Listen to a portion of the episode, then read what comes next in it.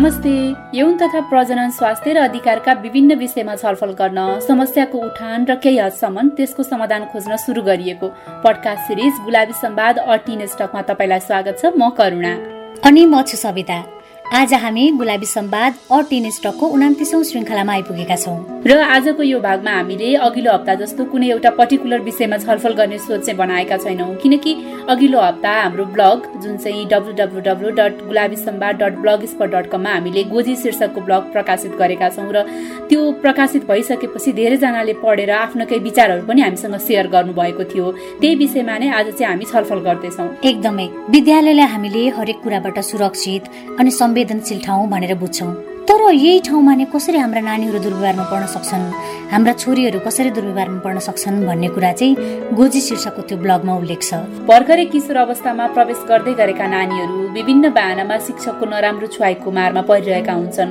अब हामी नै पनि कतिपटक त्यस्तो दुर्व्यवहारमा परिराखेका छौँ। स्कुलमा पढ्दाखेरि नै कतिपय टिचरहरूले नराम्ररी छुने अथवा घुरेर हेर्ने त्यस्तो चाहिँ धेरै खालको दुर्व्यवहारको चाहिँ शिकार म आफै पनि भएको छु के? त्यही त मेरो पनि यस्तो कुराहरू त एकदम अनगिन्ती छन् कि करुणा अब कतिपटक थाहा पाएर त कतिपटक नपाएर नै दुर्व्यवहारमा परिरहेको छु म पनि। मलाई लाग्छ मैले विद्यालयमा सार्वजनिक सवारी साधनमा नजिकको आफन्तबाट भोगेको दुर्व्यवहारहरू धेरै नै छन्। यो दुर्व्यवहार हो भन्ने थाहा नपाए पनि मैले भोगेको छु र अहिले ती जुन कुराहरू हुन्छ नि मैले यो दुर्व्यवहार हो भन्ने थाहा नपाउँदा भोगेका कुराहरू अहिले सम्झिँदाखेरि चाहिँ ए अँ त है। यो पनि दुर्व्यवहार थियो त्यो पनि दुर्व्यवहार थियो त्यो पनि दुर्व्यवहार थियो भन्ने लाग्छ कि? हो नि। र अब हामीले अघिल्लो हप्ता प्रकाशन गरेको ब्लगमा पनि उहाँले आफूलाई पछि मात्रै आफूमाथि अङ्ग्रेजी पढाउने टिचरले गरेको दुर्व्यवहारको बारेमा थाहा पाउनुभयो र त्यो दुर्व्यवहार रहेछ भन्ने चाहिँ उहाँलाई धेरै पछि मात्रै फिल भयो। जति बेला चाहिँ उहाँले आफ्नो पढाइ पनि छोडिसक्नु भएको थियो। र आज हामीले चाहिँ त्यही ब्लग उहाँको हामीले नाम प्रकाशित गर्न असमर्थ छौँ किनकि उहाँले हामीलाई रिक्वेस्ट गर्नुभएको थियो। मेरो नाम नराखिदिनु होला मेरो ठेगाना पनि नराखिदिनु होला अनि मेरो फोटो पनि नराखिदिनु होला भनेर हामीले त्यही भएर उहाँको कुरालाई चाहिँ मानेर उहाँको प्राइभेसीलाई चाहिँ हामीले मध्यनजर गर्दै उहाँको नाम ठेगाना प्रकाशित गरेका थिएनौँ। र त्यही ब्लग पढेर चाहिँ हामीलाई सेयर गर्नुभएको केही कुराहरू नै कार्यक्रममा समावेश गर्दै र छलफल गर्दैछौँ। एकदमै। र छलफलको सुरुवातमा नै केही पाठकले चाहिँ ब्लग पढेर भन्नुभएको कुरा नै सुनाइहालौँ होला सविता अनि त्यसपछि चाहिँ हामी छलफल गरौँला हुन्छ हुन्छ करुणा। एकजना पाठकले लेख्नु भएको छ हरेक स्कुलमा एउटा एउटा शिक्षक त्यस्तो हुने रहेछ। मेरो स्कुलमा पनि त्यस्तै टिचर थियो भन्नुभएको छ। हो पनि। साँच्चै उहाँले भन्नुभएको जस्तै हामी विभिन्न जिल्लामा जाँदाखेरि विद्यार्थीले भनेका कुरा सुन्थ्यौँ नि। फलानु शिक्षकको व्यवहार मन पर्दैन उहाँले छोएको मन पर्दैन हेरेको मन पर्दैन। एकदमै असहज लाग्छ भनेर है करुणा। हो नि र अब अर्को म्यासेज पनि त्यस्तै छ कि सविता? उहाँले चाहिँ के लेख्नु भएको छ भने मैले दुईवटा उस्तै उस्तै खालको म्यासेज लिएको छु। दुवैजनाले चाहिँ म सानैबाट कडा स्वभावको थिएँ। मलाई कसैले पनि केही गर्न खोज्यो भने तुरन्त प्रतिकार गरिहाल्थेँ त्यही भएर त्यस्तो भोग्नु परेन भनेर लेख्नु भएको छ। तर मेरा केही साथीहरूले चाहिँ भोगेका छन् भनेर उहाँहरूले आफ्नो अनुभव सेयर गर्नुभएको थियो कि? उहाँहरूले भन्नुभयो जस्तै कहिलेकाहीँ कडा स्वभावको हुँदा पनि मानिसले नराम्रो नियतले हिँड्न छुन र बोल्न सक्दैन। तर त्यति भन्ने र बोल्ने हिम्मत पनि कतिपय अवस्थामा हामीले जुटाउन सक्दैनौँ कि? भनिहाल्दा पनि केही भन्छ कि मलाई नझन् नराम्रो पो गर्ने हो कि भनेर भन्न सक्दैनौँ प्रतिकार गर्न सक्दैनौँ। अनि त्यस पछाडि चाहिँ झन् हामी दुर्व्यवहारमा परि नै रहन्छौँ। तर तपाईँमा जस्तो हिम्मत चाहिँ एकदमै आवश्यक छ। र त्यस्तै ब्लग पढेर नै अर्को एकजना पाठकले हामीलाई पठाउनु भएको प्रतिक्रिया चाहिँ के छ भने नि सविता उहाँले लेख्नु भएको छ कि यस्तो यस्तो कुराहरू सुन्दा छोरी जन्माएकोमा निकै डर लाग्छ। मेरो एउटा छोरी छिन् कति उनीमाथि कसैले त्यस्तो गर्छ कि भनेर मन एकदमै आत्तिन्छ यो मेरो गल्ती हो कि समाजको भनेर हामीसँग प्रश्न पनि गर्नु भएको छ कि? उहाँको गल्ती त कसरी हुन्छ र करुणा? यसमा मलाई लाग्छ उहाँको केही पनि गल्ती छैन। तर पनि तपाईँले आफ्नै छोरीलाई उनलाई कहाँ कहाँ कसले कसले र कसरी कसरी दुर्व्यवहार गर्न सक्छ र यदि दुर्व्यवहार भएको खण्डमा तिमीले के गर्नुपर्छ भन्ने कुरा चाहिँ अहिलेबाट नै सिकाउनुहोस्। जसले गर्दा तपाईँकी छोरी आफूमाथि दुर्व्यवहारमा पर्दा चुप्प लागेर बस्दिन प्रतिकार गर्न सकोस्। यो कुरा चाहिँ तपाईँ अहिलेबाट नै एकदमै अवेर भएर जुन कुरा तपाईँले भोग्नु पर्यो त्यो कुरा छोरीले भोग्नु नपरोस् भनेर चाहिँ अहिले नै अवेर भएर छोरीलाई त्यस्तो कुराहरू चाहिँ सिकाउनु पर्छ लाई करुणा। एकदमै हो सविता त्यो चाहिँ र अर्को एकजना पाठकले चाहिँ आफूले स्कुलमा भोगेको होइन कि आफ्नै घर परिवारमा आफूले भोगेको दुर्व्यवहारको बारेमा लेख्नु भएको छ। उहाँ लेख्नुहुन्छ सानो हुँदा केही थाहा हुँदैन थियो। छिमेकी काका हाम्रो घरमा आइराख्नुहुन्थ्यो। मलाई उहाँले त्यसरी काखमा राखेको मन पर्दैन थियो। तर पनि सधैँ जबरजस्ती काखमा राख्ने गर्नुहुन्थ्यो। उहाँको काखमा राखेपछि मलाई केही कुराले घोचेको जस्तो लाग्थ्यो। त्यो घोच्ने कुरा के रहेछ भन्ने चाहिँ मैले आजभोलि मात्र थाहा पाएको छु। मलाई काखमा राखेपछि त्यो अङ्कलको लिङ्गले घोच्दो रहेछ अनि म हत्तपत्त फुत्किन खोज्थेँ। आफ्नै बाबाको साथी अनि छिमेकी पनि। मैले यो कुरा कसैलाई भन्न सकिनँ। अहिले भएको भए सायद म चुप लागेर बस्ने थिइनँ। बाबालाई भन्थेँ होला अनि त्यो अङ्कललाई पनि केही न केही गर्थेँ होला भनेर लेख्नु भएको छ कि? अहिले भएको भए केही न केही गर्थे भन्नुभएको छ उहाँले होइन? यही कुराले थाहा हुन्छ कि उहाँलाई अहिले सम्झिँदा पनि कति गाह्रो हुन्छ त्यो कुराले। तर त्यो बेलामा उहाँले केही गर्न सक्नु भएन? सायद त्यही बेलामा नै त्यो अङ्कललाई सबक सिकाउन पाएको भए। उहाँलाई शान्ति पनि मिल्ने थियो र त्यो अङ्कलले उहाँ जस्तै अरू सानो नानीहरूलाई दुर्व्यवहार गर्ने आँट पनि गर्दैन थियो। होइन त करुणा? त्यो चाहिँ एकदमै हो सविता किनकि हामीले तत्कालै प्रतिकार गर्न सक्यो भने दुर्व्यवहार गर्ने व्यक्ति पनि अच्किन्छ कि? मैले हो यस्तो गरेछु मैले गल्ती गरेछु भने उसलाई पनि गल्ती बोध हुन्छ र दुर्व्यवहार जसले भोगिराखेको छ उसलाई पनि मैले चाहिँ बोल्नु पर्ने रहेछ। बोल्यो भने दुर्व्यवहारमा पर्ने रहेनछु भन्ने हिम्मत पनि पलाउँछ। त्यसैले पनि हामीले बारम्बार आफ्ना नानी बाबुमाथि चाहिँ हुन सक्ने दुर्व्यवहारको बारेमा जानकारी गराइरहने आफूले पनि उनीहरूलाई चाहिँ असहज हुने खालको कुनै पनि व्यवहार गरेको छु कि भनेर आफू पनि सचेत हुन चाहिँ एकदमै आवश्यक छ। किनकि कहिलेकाहीँ चाहिँ हामीले अन्जानमा आफूलाई थाहा नहुँदा नहुँदै पनि अरूलाई नराम्रो हुने खालको व्यवहार गरिरहेका हुन्छौँ जुन चाहिँ दुर्व्यवहार भइदिन्छ। कि? पक्कै पनि हो करुणा त्यो चाहिँ। अब भने गोजी शीर्षकको ब्लग पढेर हामीलाई भन्नुभएको कुरा गुलाबी सम्वादको टिमका अरू साथीले रिड आउट गर्नुभएको छ। अब त्यही सुनाउ न त एकछिन। हुन्छ हुन्छ। मैले त त्यस्तो यौन दुर्व्यवहार अहिलेसम्म भोगेको छैन नि। तर मैले थाहा नपाएर पनि हुनसक्छ। तर मेरो दिदीले चाहिँ धेरै भोग्नु परेको छ। मेरो दिदीको आर्ट र इसिए टिचर हो सायद। दिदीको धेरै पछि लाग्थ्यो। ठ्याक्क गोजी लेख्ने दिदीलाई जस्तो त होइन। तर पनि एकदमै धेरै सताउँथ्यो। दिदी घर फर्कदा साइकलले बाटो छेक्ने दिदीलाई तिमीलाई जानै दिन्न यहीँ राख्छु भन्ने गर्थ्यो। पछि हामीले घरमा यो कुरा भनेपछि चाहिँ त्यो टिचरले दिदीलाई जिस्काउन छोड्यो।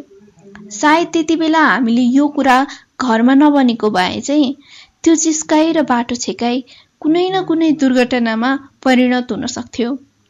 टिचर बनेर आउँछन् तर के गर्नु? पढाउने होइन। विद्यार्थीलाई दुर्व्यवहार गर्छन्। म सानो हुँदाको एउटा घटना याद आयो। त्यो घटना चाहिँ मैले तपाईँहरूलाई राख्न चाहेँ। सायद म त्यति बेला चार पाँच कक्षामा पढ्थेँ होला। मेरो परिवार गाउँ समाज सबैबाट सुनेको कुरा होइन। मेरो मामा घरतिरको साइनोमा ती दिदी पर्ने एकजना दिदी चाहिँ क्लास नाइनमा पढ्नुहुन्थ्यो। फाइनल इक्जाम चलिरहेको थियो अब गाउँमा इक्जाम चलिरहेको थियो अनि स्कुलमा उहाँहरूको एकजना इङ्ग्लिस टिचर हुन्थ्यो क्या स्कुलमा पढाउने अनि त्यसपछि उहाँले चाहिँ त्यो स्कुलमा चिट चेक गर्ने क्रममा चाहिँ दिदीको सर्टको पकेटमा हात हालेर समातेर दिदीलाई अब अलिकति ब्रेस्ट पार्टहरूमा समात्नु भएछ होइन? दिदीले तुरुन्तै रियाक्ट गर्नुभएछ। दिदी अलिकति गर्नु तर रियाक्ट गरिसकेपछि गाउँलेहरू सबैले दिदीलाई नै नराम्रो बनाए कि। त्यसपछि दिदीलाई भने कि फ्यामिली दिदीको दिदीहरूलाई घर बाहिर निस्कनै नसक्ने सिचुएसनमा पुर्याए गाउँलेहरूले होइन अनि दिदीलाई भने कि गाजल लगाएर हिँड्थे मेकअप गरेर हिँड्थे नक्कल पारेर हिँड्थे त्यसको परिणाम हो छाडा यस्तो उस्तो। धेरै कुराहरू सुने तर सरलाई गलत भनेर सजाय दिने त्यहाँ कोही भएन। जबकि त्यो सरको नियत नै खराब छ भन्ने सारा समाजलाई गाउँलाई थाहा थियो। किनभने त्यो सरले पढाउने स्कुलमा केटीहरू बेन्चको छेउमा बस्न पनि डराउँथे। किनकि त्यो सरले केटीहरूलाई सुमसुम्याउने मसार्ने अनि त्यो ब्राहरूको तुना खोलिदिने यस्ता हरकतहरू गर्थे भन्थे। मैले त सुनेको कुरा हो। तर त्यो दिदी कक्षा दससम्म पनि पढ्न नपाउँदै यो हतारमै बिहे गरिदिए घर परिवारले। यो फ्यामिलीले आफ्नो इज्जत जोगाउन भन्दै होइन? जबकि त्यो सरको श्रीमती आफै वुमेन इम्पावरमेन्टको एनजिओमा एकदम एक्टिभ मेम्बर भएर काम गर्नुहुन्थ्यो।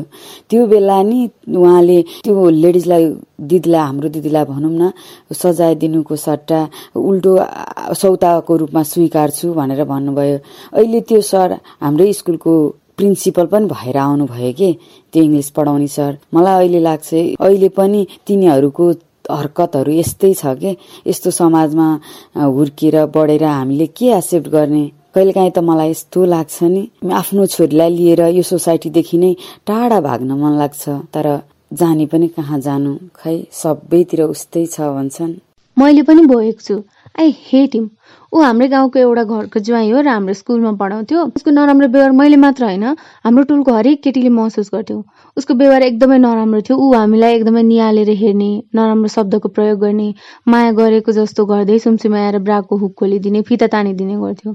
एकपटक मेरो दाईसँग पढ्ने दिदीले केस गर्नुभएको रहेछ। नराम्रोसँग छुने र जिस्काउने गरेकाले उहाँले केस गर्नुभएको रहेछ। पछि एकपटकलाई भनेर छोडिदिएको रहेछ तर त्यो मान्छेलाई स्कुल प्रशासन बसेर एकपटकलाई वार्निङ दिएर छोड्यो। त्यसरी छोड्नु नपर्ने थियो त्यसलाई। किनकि अब फेरि पनि त्यो मान्छे अरूलाई त्यसै गरी नै दुर्व्यवहार गर्न सक्छ। मेसेज रिड आउट गरिदिनु भएकोमा गुलाबी सम्वाद टिमका सबै साथीलाई धेरै धेरै धन्यवाद। हामीले भोग्ने यस्तै खालका अमानवीय दुर्व्यवहारहरूले हामीलाई लामो समयसम्म चोट पुर्याइरहन्छ अनि पछिसम्म पनि हामीले पहिले भोगेका ती घटनाहरू बिर्सिनै सक्दैनौँ न त अरू कसैलाई बाँड्न नै। एकदमै तर हामीले आफूले भोगिराखेको दुर्व्यवहारको बारेमा अरूलाई सेयर गर्यौँ।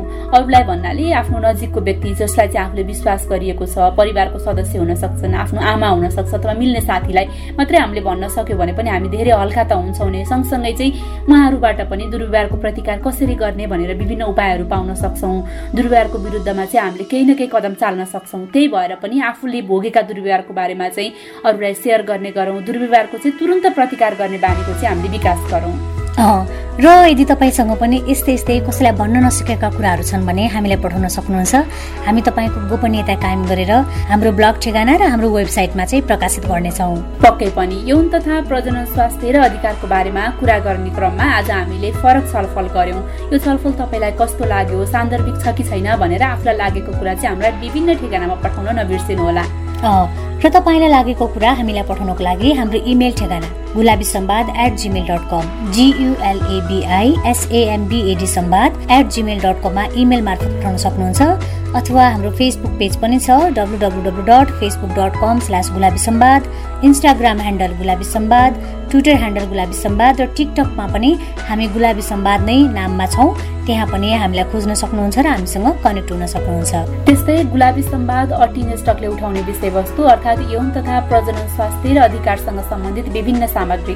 हाम्रो website W W W dot Gulabi Sambad dot com र हाम्रो ब्लग ठेगाना Gulabi Sambad dot blogspot dot कममा प्रकाशित छन्। ती सामग्री पनि तपाईँले पढ्न सक्नुहुनेछ र आफ्ना पनि त्यस्तै अनुभव तथा भोगाईहरू छन् भने हामीलाई लेखेर वा रेकर्ड गरेर पठाउन सक्नुहुनेछ। तपाईँले हाम्रो यो पडकास्ट श्रृङ्खला Gulabi Sambad at in stock anchor dot FM A N C H O R dot एफएममा गएर Gulabi Sambad team talk search गरेर सुन्न सक्नुहुन्छ र यो सँगसँगै तपाईँले देशभरिका अठाइसवटा विभिन्न रेडियो स्टेसनबाट पनि यो कार्यक्रम हप्तैभरि सुन्न सक्नुहुन्छ।